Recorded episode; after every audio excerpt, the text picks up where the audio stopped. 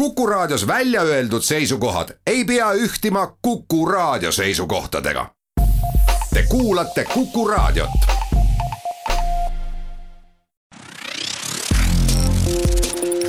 fookuses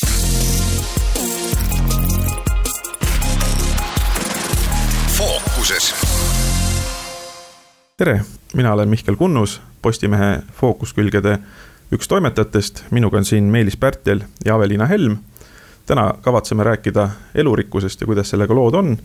aga alustuseks ma küsin Meelis Pärtelilt, et kes sa selline oled ja mis on su tiitlid?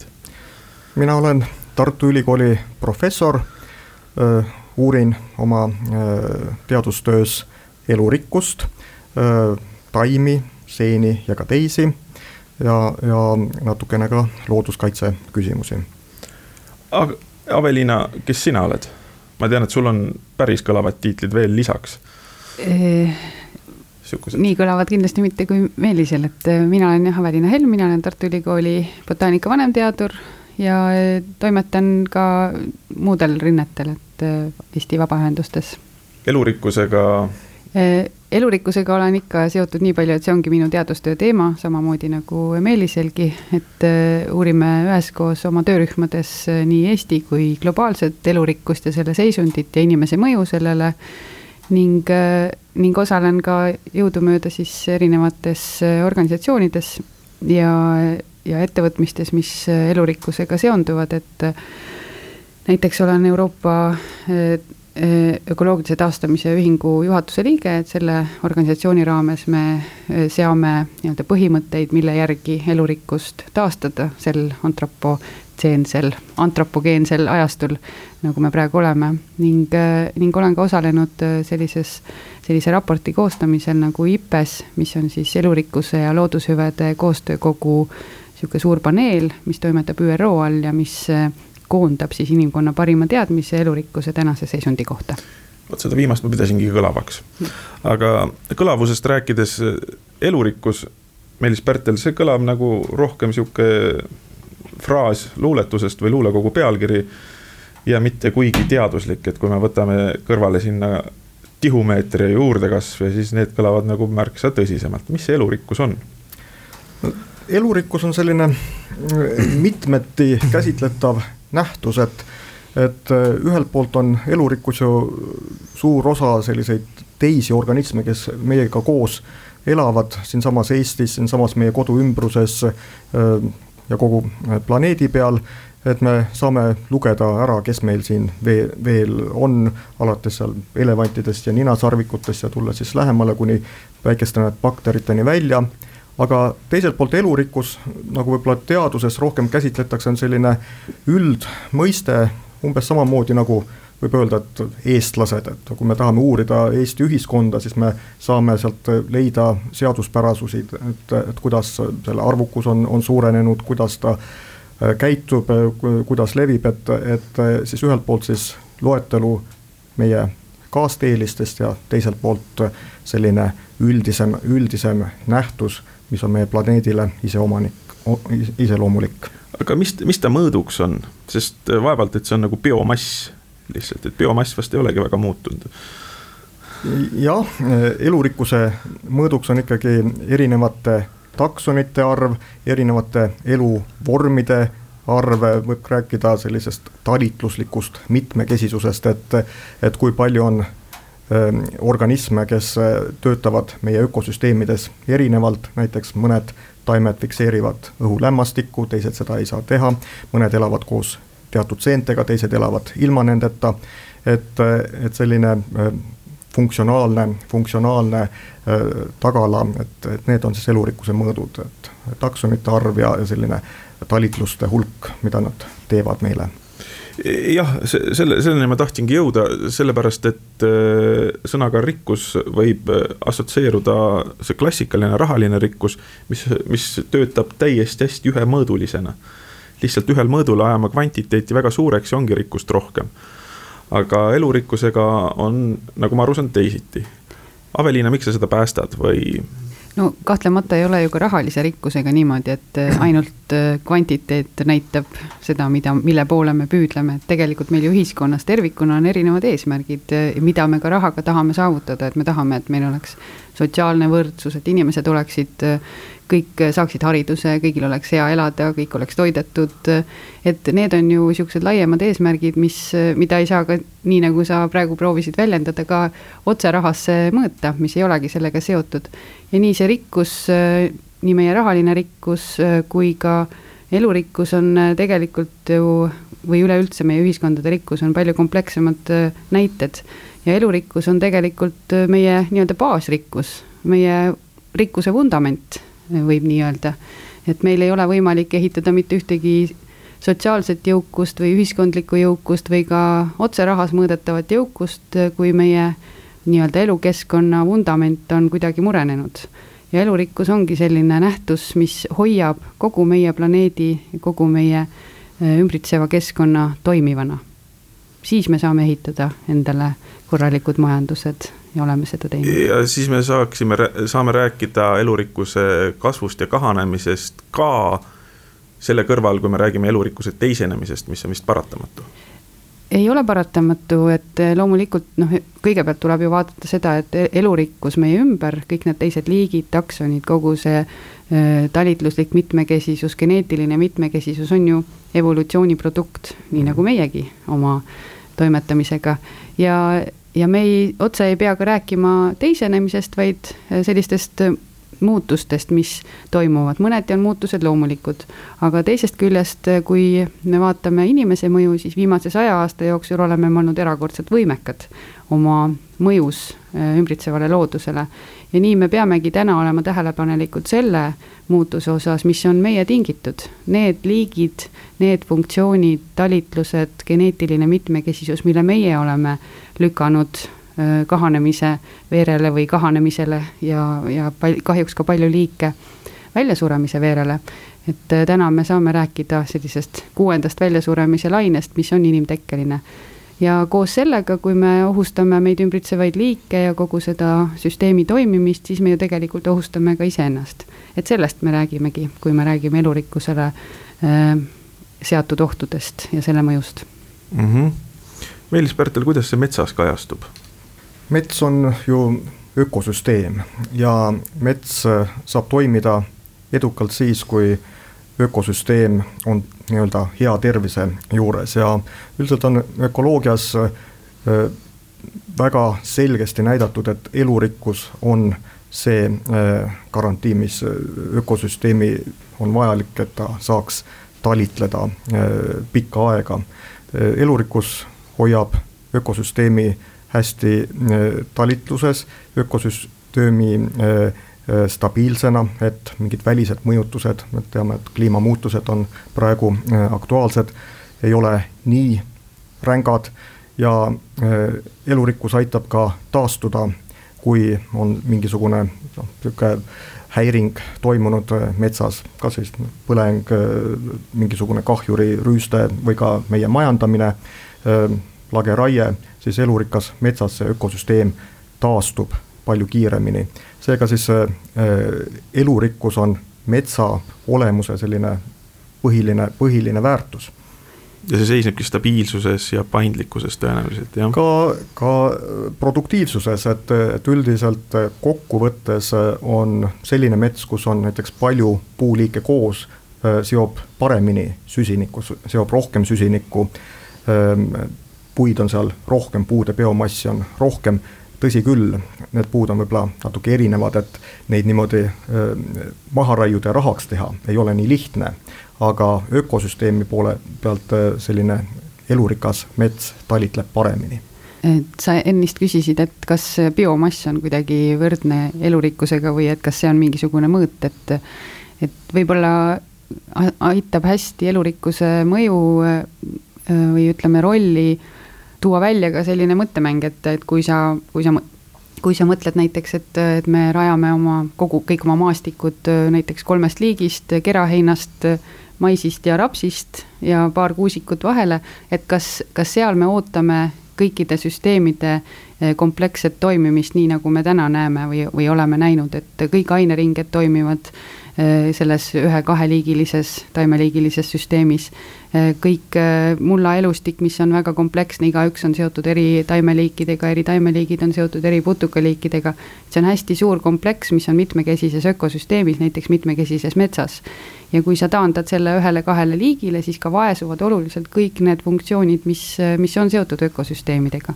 see on jah, see on üsna arusaadav, aga vajab siiski ülekordamist, aga siin me oleme sunnitud minema reklaamipausile ja tuleme varsti kohe tagasi.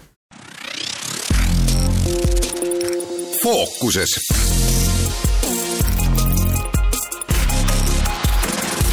fookuses ja oleme tagasi, minuga on Meelis Pärtel ja Aveliina Helm ja räägime elurikkusest ja mis sellega seondub. Praegusel pandeemia ajal on tervis rohkem kui küll meie mõtetes ja kuidas need võiks seotud olla? elurikkus on sihuke ökosüsteemi tervis ja kas ökosüsteemi tervis on ka inimese tervisega seotud? inimene on ka tegelikult ökosüsteemi osa ja kui me praegu räägime koroonaviirusest, siis on üsna selge, et, et sellised äh, loomadelt tulnud haigused äh, inimesele äh, on seotud ka sellega, et looduslikud elupaigad jäävad vähemusse ja siis on nii võrra häiritud, et nad ei käitu enam, need ökosüsteemid selliselt, nagu nad varem on käitunud ja ja siis need viirused proovivad ka üle hüpata uudele, uutele organismidele, kaasa arvatud inimene.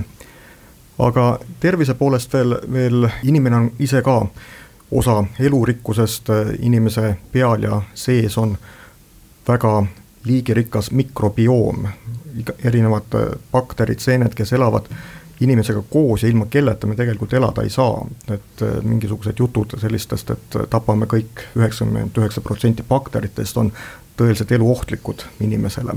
Õnneks seda ei ole ka väga lihtne teha kus, kusjuures ma panin tähele, et see Safeguard seep, mida ma mäletan, et ma olin gümnaasiumis, kui see suure hooga tuli, et see on ära kadunud, et nüüd on jõudnud kohale, et on tegelikult väga rumal, kui sa tapad ära üheksakümmend üheksa koma üheksa protsenti oma bakteritest. see, sest see, see vaesustab sinu sellist loomulikku ökosüsteemi, mis on sinu peal ja vaeses ökosüsteemis on väga tüüpiline, et mõned sellised pahategijad, see osa elurikkusest, keda aga, keda me ei taha hakkavad äh, siis äh, väga vohama ja tekitavad meil igasuguseid põletikke ja kõike muud, et äh, see on tegelikult palju ohtlikum jah ja., kusjuures tõhusad ja spetsiifilised bakteriotsiidid annavad seentele päris kõva eelise, et see on ka üks põhjus, miks kadusid ära need väga bakterivaenulikud seebid, sest inimestel hakkavad seened vohama siis kohe mõnuga. ja loomulikult, et ja seda, et kui sa võtadki ökosüsteemist ära nii-öelda osa selle funktsioneerimisest või osad tasemed või vaesustad neid, et siis,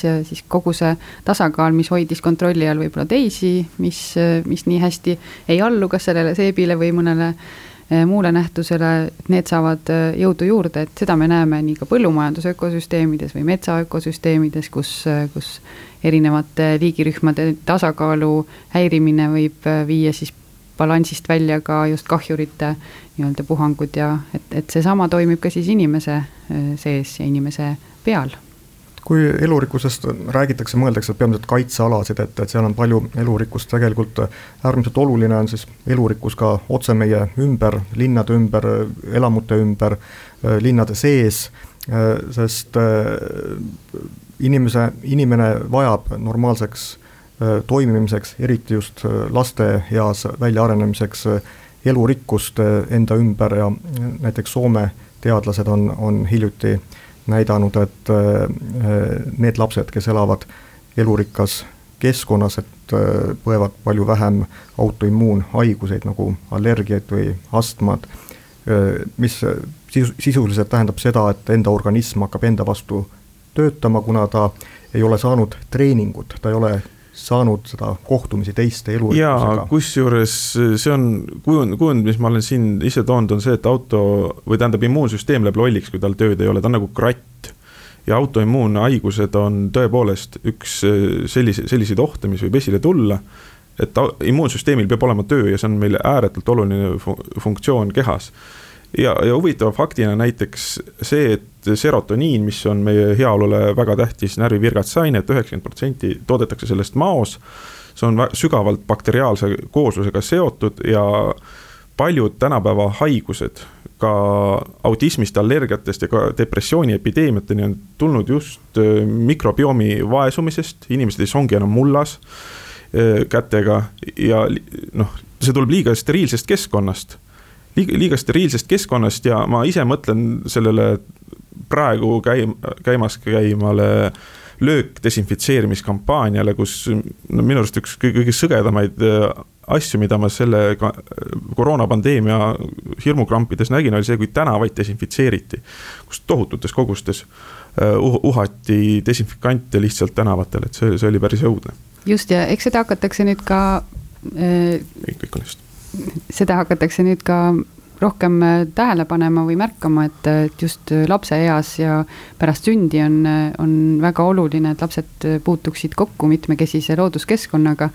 Selleks on vaja mitut asja, et selleks on vaja esiteks seda, et see mitmekesine looduskeskkond meie ümber oleks säilinud, et me ole, meil oleks see mitmekesisus, ega see ei olegi nii iseenesestmõistetav et me tooksime seda ka linnadesse, linnade ümbrusesse, nii nagu Meelis ütles. ja teine on see, et ka lapsed ise siis puutuksid füüsiliselt sellega kokku, et näiteks Prantsusmaal on on tehtud nüüd selliseid kampaaniaid osades linnades, kus, kus kooli õuealadele on võetud osa asfalti üles ja rajatud sinna selliseid mitmekesiseid puude ja rohttaimedega alakesi, kus siis lapsed kooli vaheajal või kooli jah, ütleme tundide vahe, vahel saavad äh, mängida ja kokku puutuda siis selle väikese looduse laigukesega ja teha, teha siis nende arengut äh, paremaks. ja sarnane töö tehti ka Soomes, äh, kus lasteaedadesse toodi metsa alt liigirikast sihukest pinnast ja lasti lastel seal nende peal mängida ja kontrolli, kontrollgrupiga võrreldes siis juba kuu ajaga lastel näitajad immuunsüsteemi, erinevad immuunsüsteemi näitajad oluliselt paranesid. et, et see on selline nähtamatu ja väike, nähtamatu ja väga massiivne tegelikult turvavõrgustik, mis meid ümbritseb. ja, ja ongi ta seotud sellega, et mida rohkem me näeme oma silmaga liike meie ümber, mida rohkem me eh, katsume eh, liike ja, ja tutvume nendega Eh, mida lähemal nad meile füüsiliselt on, seda rikkam on ka see nähtamatu pool, mida me hädasti vajame. Suur osa elurikkusest ongi ju tegelikult silmale nähtamatu ja, ja neid seaduspärasusi, kuidas see väga mikroobne elurikkus, elurikkus, mida ta endast kujutab, kus teda on palju, kus teda on vähe, mida ta teeb hakkab teadlastele nüüd selgeks saama alles hiljuti, kui me saame äh, liike määrata äh, DNA abil keskkonnast. võtame lihtsalt keskkonnaproovid ja sekveneerime kogu DNA ära ja siis selle tohutust informatsiooni hulgast äh, sorditakse siis välja, et milline DNA lõik millisele liigile vastab. et siit on nüüd viimastel kümnel aastal tulnud palju, palju uusi teadmisi nii, selle huvitava tähelepanekuga lähme korraks uudiste juurde ja siis tuleme kohe tagasi. fookuses.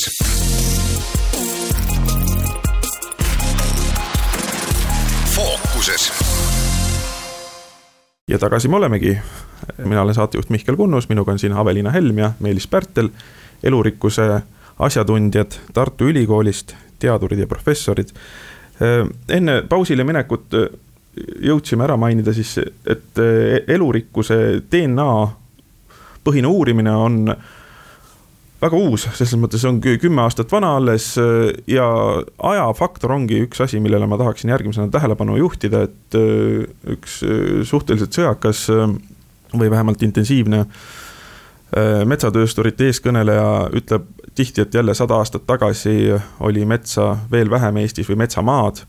Kusjuures selle metsamaa ja metsa ümberdefineerimine ja see trall, mis selle ümber on käinud, ma olen nüüd naljatlemisi öelnud, et see on siiamaani ainus argument, mida või analoog, analoogia läbi, mis on abielu ümberdefineerimise vastu, sellepärast et et me näeme, kui palju jama tuleb sellest, kui üks argikeele sõna ümber defineerida, sest see, kui siin metsa ja metsamaad ümber defineeritakse, see annab sihukese demo-, demagoogilise välja avab.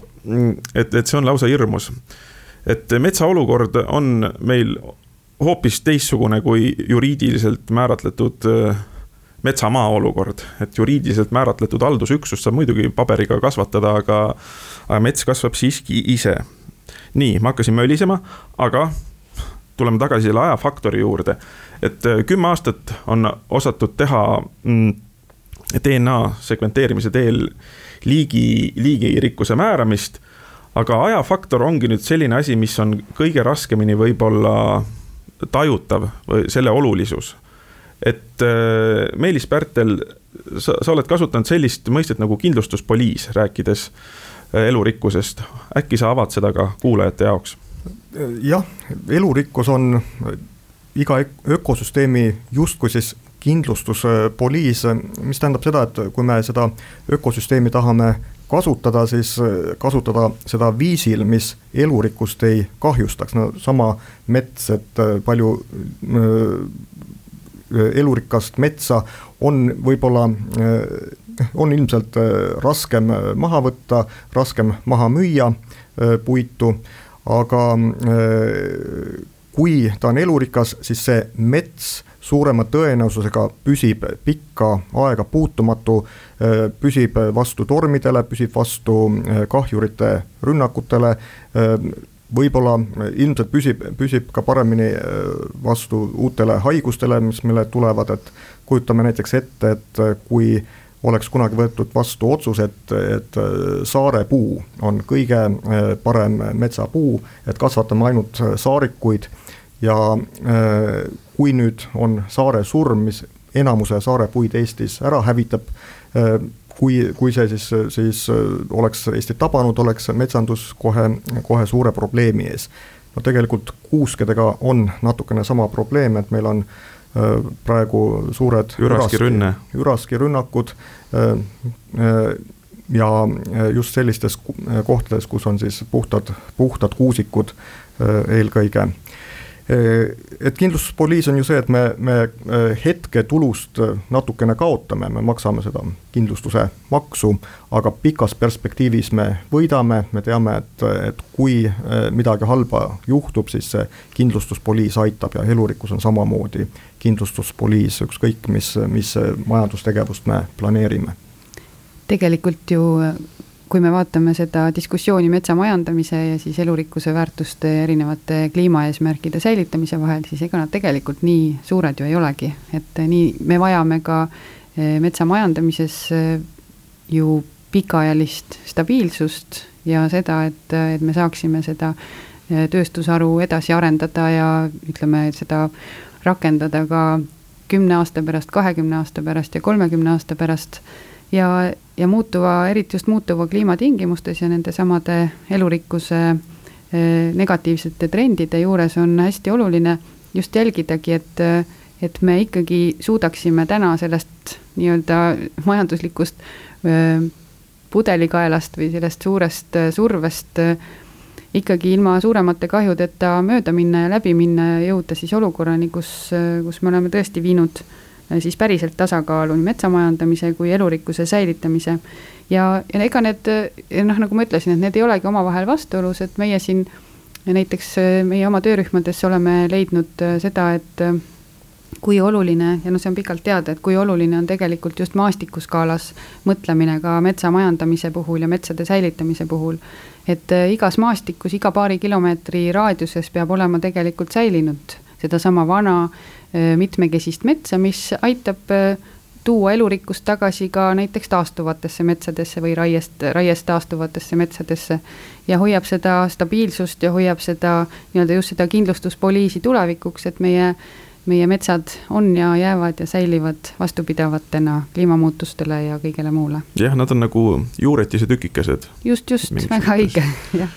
kust, kust asi saab jälle kasvama hakata ja ma ühe asja võib-olla majandusinimestele, kes on rohkem tuntud Talebi teostega, siis Taleb räägib väga palju haprusest ja antihaprusest. ta on üsna evolutsiooniline mõtleja ja miks ta kirub igasuguseid majandusteadlasi, ta lausa just, just sellepärast, et nad panevad kõik mudelitesse. aga see, mis päris reaalsuses meid alati ootab, on ohud, mida me ei oska ette näha sest ma mäletan, et kui ma ise käisin aastal kaks tuhat, olin paar kuud äh, Luksemburgis, seal oli just juhtunud see, et tuul oli ümber puhunud massiivselt äh, väga hästi istutatud sirged äh, kuusemetsad. no seal oli ka see, see miinus veel, et kalju, kaljune maastik ja see mullakiht oli õhuke aga iseenesest on väga efektiivne, kui sa paned sirged kuuseread, teed suured kuusepõllud, harvesteril on väga hea noppida kasvamine võib ka olla täitsa optimeeritud, nad seal isegi väetavad neid. aga kui tuleb nähtus, mida nad ei oska ette näha, näiteks tohutu tuul on kahju meeletu ja samamoodi nüüd aasta-paar tagasi olid äh, vist äh, Tšehhis ja Saksamaal olid need tohutud üraskirünnakud, kus äh, oli noh, metsa, metsal oli majanduskahju oli ikka üüratu no ma tooksin Nii. siinkohal ju välja sellesama sinu näite peale, et tegelikult me ju oskame neid ette näha. me ju oskame ette näha seda, et väga hästi me teame juba mitukümmend aastat seda väga hästi, et monotoonsed, üheliigilised äh, ökosüsteemid või istandused on väga vastuvõtlikud nii tuulemurrule kui haigustele et seesama Saare surma näide, mis äh, nii Eestist, äh, Eestis tegi Saarele väga palju kahju kui Rootsis, viis Saare tegelikult äh, punasesse raamatusse, on, on, on samasugune näide sellest, et mõtle, kui see oleks kuusesurm või, või männisurm, et siis see kahju on väga suur. ja me tegelikult ju teame, me oskame ette näha seda, et eh, monokultuurid on väga ohustatud, eh, eriti täna sellise kliimatingimustes, kiire, kiirelt muutuva kliima tingimustes. et näiteks siin see Põhjamaade metsanduspraktika on ju meile mõneti kõik, kõik erinevad näited ka ette näidanud, et kui oli kahe tuhande viienda aasta suur äh, torm, siis äh, mis Eestis hävitas äh, üks miljon tihu metsa ühe, ühe sellise suure kiire mm, tormi raames, siis, siis Rootsis, kus, kus olid väga efektiivselt metsamajanduslikult rajatud monotoonsed kuusikud et seal oli häving äh, tegelikult meeletu, et seitsekümmend miljonit tihu ühe korraga äh, võttis seesama torm äh, maha. nii et, et sellised näited, et me tegelikult oskame ju just läbi sellesama looduspõhise lähenemise või läbi ökosüsteemse lähenemise rajada oma ökosüsteemid vastupidavaks. ja, ja kusjuures siin tasub veel rõhutada, et meie ennustused näitavad, et tormid sagenevad, mitte ei jää vähemaks. loomulikult ja, ja kahjureid. keskkonna ja. ja kahjurid ka, eks ju, kliima soojenemise kahjurid tuleb peale, see tähendab, et need välistegurid, mis varem olid pigem haruldased, hakkavad nüüd suuremalt korduma. ja nüüd tulevad sisse ühed sellised kahjurid nagu reklaamid, ärge võtke isiklikult ja tuleme kohe tagasi fookuses.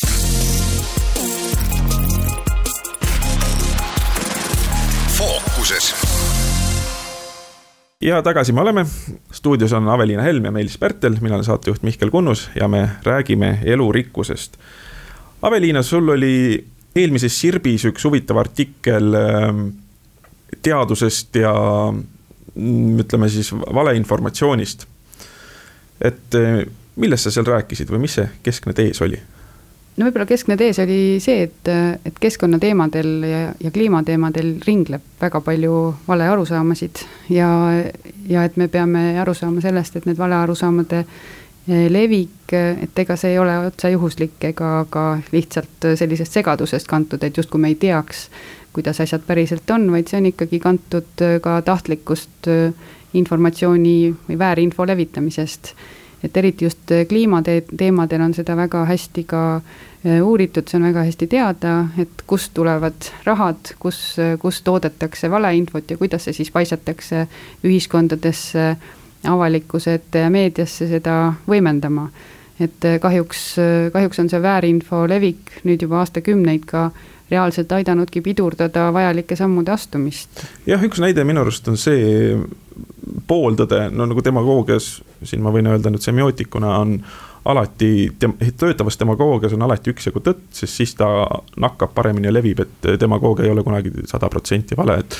üks huvitav näide, mida võiks võib-olla Meelis Pärtel kommenteerida, on siis metsade vanus ja süsiniku sidumine, kas noor mets seob süsinikku paremini, eks ju, et mis on selles küsimuse püstituses võib-olla puudu või, või kuidas sellega on? no eesmärk on võimalikult palju süsinikku atmosfäärist äh, siduda äh, püsivalt, et, et siis kliima soojenemist pidurdada.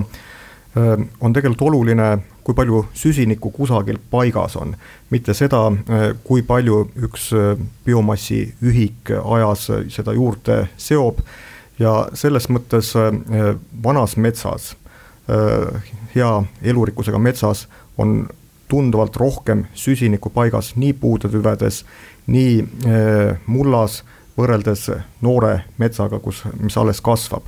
Äh, süsiniku kasv jah, on noores metsas, äh, on, on küll suurem, aga, aga meie eesmärk on ju süsinikku alles hoida. et seega siis noor mets seob küll hästi süsinikku ja noort metsa võib kasutada süsiniku sidumiseks, aga selleks ei tohiks vana metsa maha võtta. see ongi see väikene, aga oluline erinevus äh, siin. täiesti võt-, võtmeline aga, et kui sa, ma arvan, et see, mida siin meelde tasuks jätta, on see, et kui sa vahetad vana metsa šauhti noore vastu, siis sa teed keskkonnale kahju. no see on alati miinusmärgiga, et see lihtsalt nii, nii, nii on, et sul ei ole võimalik kogu selle protsessi juures rohkem süsinikku siduda, kui see, mis seal juba paigas on, sest ja ei tasu ka unustada, et meil on tõepoolest äh, kasvuhoonegaaside kontsentratsiooni vähendamisega atmosfääris või õigemini sidumisega on tõesti väga kiire, et, et me oleme tõenäoliselt väga ohtlikus vööndisse juba oma, oma kogu globaalse atmosfääri lükanud. jah, ja see, mida, mida tihti inimesed ei tea, kuna nad on nii väga silmakesksed, on see, et süsinik seo-, seostatakse ka mullas ja et tahtsingi veel tuua selle sama, seesama väide, mis ju mõneti on ühest küljest on õige, et noored metsad Äh, seovad äh, või aitavad võidelda näiteks kliimamuutustega, et ta mõneti on õige, äh, tingimusel siis, et nende rajamiseks ei võeta maha vanu ökosüsteeme, mis on suured süsinikureservuaarid või neid noori metsi ei rajata näiteks teistele olulistele ökosüsteemidele nagu niitudele või, või soodele neid eelnevalt kuivendades, mis on jällegi väga suur kahju. aga kolmandaks, sageli selle lause ette justkui inimene tahab panna ka sõna ainult et mhm. ainult noored metsad aitavad äh, leevendada kliimamuutusi või siduda süsinikku, mis ei ole kindlasti õige. et äh, tegelikult ei ole Eestis tehtud tööd ega ka Põhjamaades tehtud tööd, mis näitaksid, et meie raieküpsed metsad, mis on tegelikult ökoloogilises mõttes ikkagi noorukesed mm, -hmm. et nad oleksid veel selles eas, kus nad hakkavad jõudma nii-öelda tasakaalulisse süsteemi, kuhu ükskord metsad jõuavad. et kus nad seovad süsinikku ja emiteerivad süsinikku ühepalju et ka meie raieküpsed metsad on ikkagi äh, täna veel väga tempokad süsinikusidujad. et siin äh, Eesti männikutes tehtud töödel Maaülikoolis näiteks saja üheksa aastane männik on seob võrreldaval kogusel süsinikku näiteks viiekümne aastase ja kuuekümne aastase männikuga. ja ka seal jah, tõepoolest, et, et aina rohkem süsinikku seotakse pigem mulda, kõdusse, nendesse süsteemidesse nii-öelda maa all, mida on võib-olla raske mõõta ka, kui siis sellesse puitsesse biomassi. ja kui, ja kui seda pealmist ökosüsteemi kahjustada, siis see mullast süsinik hakkab eralduma näiteks on ju no, ka üks asi, hästi... kündmisega on üks asi. loomulikult ja eriti turvasmuldade kündmisega, aga võib-olla siin seda ongi raske selles äh, väikeses äh, formaadis kokku võtta, sest et seal on väga palju erisusi, et millised on mullad, mis nendega tehakse, kes seal peal kasvab, kas nad on kuivendatud või mitte, et siin on, siin on palju äh, palju erisusi, aga tähtis on meeles pidada ühte asja, et hoides loodust hoides hästi toimivaid ökosüsteeme, oleme me ka, me ka kliimameetmete puhul täiesti õigel teel. jah, et see on päris, päris hea lause, millega Avelina suu kinni panna, sest meil hakkab aeg otsa saama. aga Meelis Pärtel, äkki sa oskad ka midagi öelda ilmarahvale meeldejätmiseks? ma lõpetaks sellega, et, et äh, elurikkus on ikkagi veel meile küllaltki tundmatu ja me ei tea kõike vajalikku ja head, mida me elurikkusest võime saada, et juhul, kui me elurikkust hoiame, siis on ka meie lastel ja lastelastel ja nende lastel leida midagi, kas või uusi, uusi ravimeid, uusi viise, kuidas kuidagi toimida, et see on üks selline oluline asi, et peame elurikkust hoides mõtlema ka iseenda tuleviku peale. jah, ja ma ütleks veel, tuletaks meelde, et ühed suuremad kahekümnenda sajandi elupäästjad, antibiootikumid leiti juhuslikult mikroorganismidest, neid viimaseid on leitud, neid viimaseid küll väga palju enam ei leita, on leitud puhamullast, mullastikubakterid ja veel, kui kolmekümnendatel õitses Eestis selline turismiharu, et äh, käisid äh, natsid Eestis endal laskma pimesoolt välja opereerida, sest see tundus sihuke rõve rudiment. Eestis oli odavam lõigata, et see oli moekas lasta endal pimesool välja lõigata. siis nüüd on teada, et seal on meie mikrobiomi varureservid, et kui mis, miski asi meie soolestiku puhtaks loob, siis nad sealt marsivad välja ja teevad meil olemise jälle heaks. selles mõttes, et ei tasu minema visata asju, mis võib-olla lühiperspektiivis tunduvad kasututena ma ikka võib-olla paar noh, susta, suska ära. suskan ikka veel selle ära, et, et ja lisaks me peame ikkagi meeles pidama seda, et kogu maailm toimibki elurikkuse najal. biosfäär on meie eh, maakera toimimise nii-öelda päris osa ja see on vundament, vundament elurikkuse najal ta elurikkuse põletamine on tuleviku põletamine. Niimoodi, sellise lausega lõpetame, aitäh, saates olid Meelis Pärtel ja Aveliina Helm, mina olen Mihkel Kunnus ja kuuleme järgmine nädal, aitäh fookuses.